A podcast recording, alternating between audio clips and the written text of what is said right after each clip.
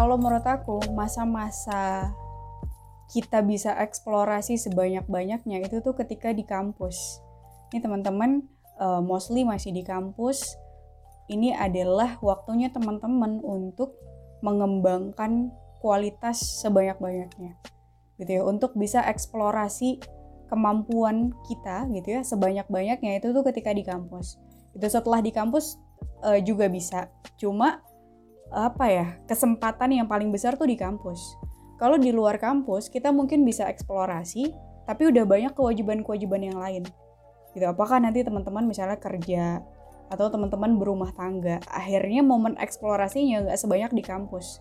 Gitu. Sedangkan di kampus gitu itu tuh bener-bener bisa pol-polan banget dan apa ya secara dampaknya misalnya kalau kita gagal itu kan pasti ada tuh ya kalau kita melakukan kesalahan itu dampaknya nggak gede-gede banget dibanding ketika udah keluar kampus itu ya kita udah menghadapi dunia yang sebenarnya. Nah itulah gunanya kenapa mengembangkan potensi ngembangin skill nge-unlock potensi-potensi kita tuh pol-polin aja semuanya di kampus. Ibaratnya 30% di kelas 70% tuh harus di lapangan. Gitu. Jadi eh, yang namanya eh, kita master sama sesuatu itu tuh nggak bisa cuma di bangku kelas doang gitu di bangku kuliah gitu ya atau teman-teman uh, dengan zoomnya. Kemudian dengan kita ngebaca buku itu tuh baru 30% kita dalam memahami sesuatu. Tapi kalau pengen bener-bener ahli itu tuh harus praktek keluar.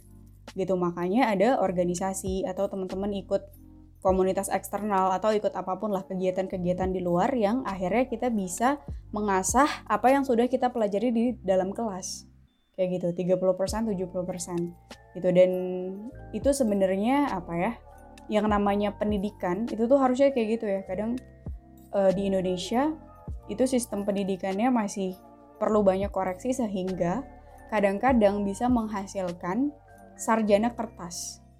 Gitu sarjana kertas itu orang-orang yang misalnya secara IPK itu bagus tapi ketika dia diminta untuk kerja dia gagap gitu. Misalnya IPK-nya bagus tapi ketika disuruh mimpin sebuah proyek gagap misalnya karena nggak biasa untuk manajemen orang-orang.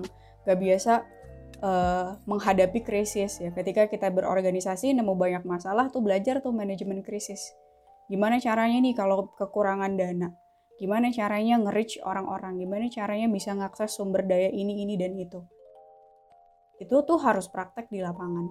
Kayak gitu. Kalau aku baca bukunya Renat Kasali yang uh, eh, self driving dia ngejelasin tentang kekuatan sel-sel mielin di saraf kita. Jadi yang namanya orang bisa master banget itu kalau sel mielinnya itu diasah. Nah dia diasah kalau udah praktek ke lapangan. Kalau cuma baca buku dia tuh nggak keasah.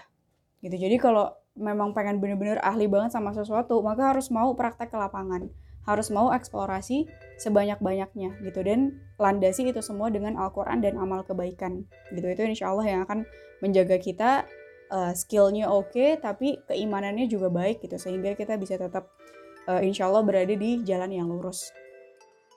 Gitu. Dampak ke depannya apa? Insya Allah ketika kita makin banyak ilmunya insya Allah makin banyak amalnya makin banyak manfaatnya. Itu jadi jangan pernah membatasi diri kita. Kadang-kadang ketika kita nyoba sesuatu hal yang sebenarnya kita nggak bisa, itu kita sedang meningkatkan diri kita. Gitu kayak uh, public speaking. Dulu tuh aku anti banget pokoknya kalau yang uh, di depan orang.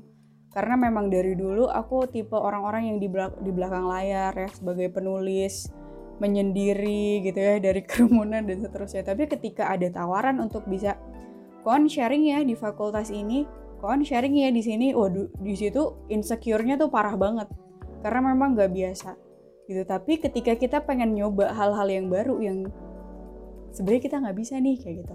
Nah di situ akhirnya kita punya banyak ilmu gitu. Kayak kemampuan leadership mimpin sebuah uh, divisi kemudian bikin sebuah uh, acara itu tuh kita ngelatih skill-skill kita gitu. Terus ketika kita punya skill yang kuat maka insya Allah kita punya finansial yang kuat gitu ya. Kalau kita udah jadi orang-orang yang dibutuhkan uh, yang skillnya tidak banyak dimiliki orang-orang.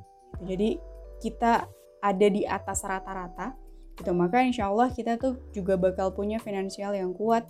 Kalau kita punya finansial yang kuat, kita akan bisa mandiri kita bisa mengerjakan banyak proyek kebaikan, kita lebih banyak bisa lebih banyak infak, bisa lebih banyak memberi gitu. Dan mungkin nanti kalau misalnya udah di umur 40 tahun ke atas ketika anak-anak muda muslim hari ini berkualitas nih, insya Allah teman-teman yang hadir di sini jadi orang-orang yang hebat, jadi orang-orang yang luar biasa, yang benar-benar seimbang dunia akhiratnya, maka insya Allah ke depan akan bisa menempati posisi-posisi strategis yang bisa punya impact yang besar ke masyarakat.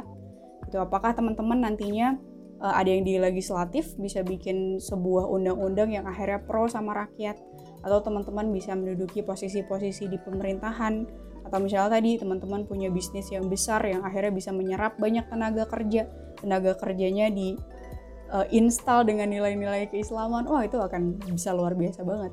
Ketika anak-anak muslim mudanya berkualitas insya Allah negerinya akan maju ya. Indonesia kalau udah maju udah bisa posisi punya posisi di, di dunia dia bisa punya impact yang lebih besar lagi dalam tataran global apakah dia bisa punya impact buat kemerdekaan Palestina? Ya itu juga sangat mungkin.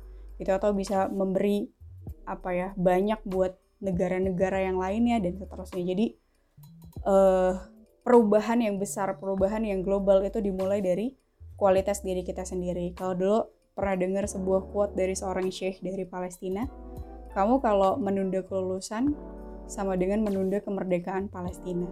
Kalau kamu menunda menyelesaikan sebuah karya sebuah proyek kamu sedang menunda kemerdekaannya Palestina. Kayak gitu. Jadi penting banget untuk bisa meningkatkan kualitas diri kita sendiri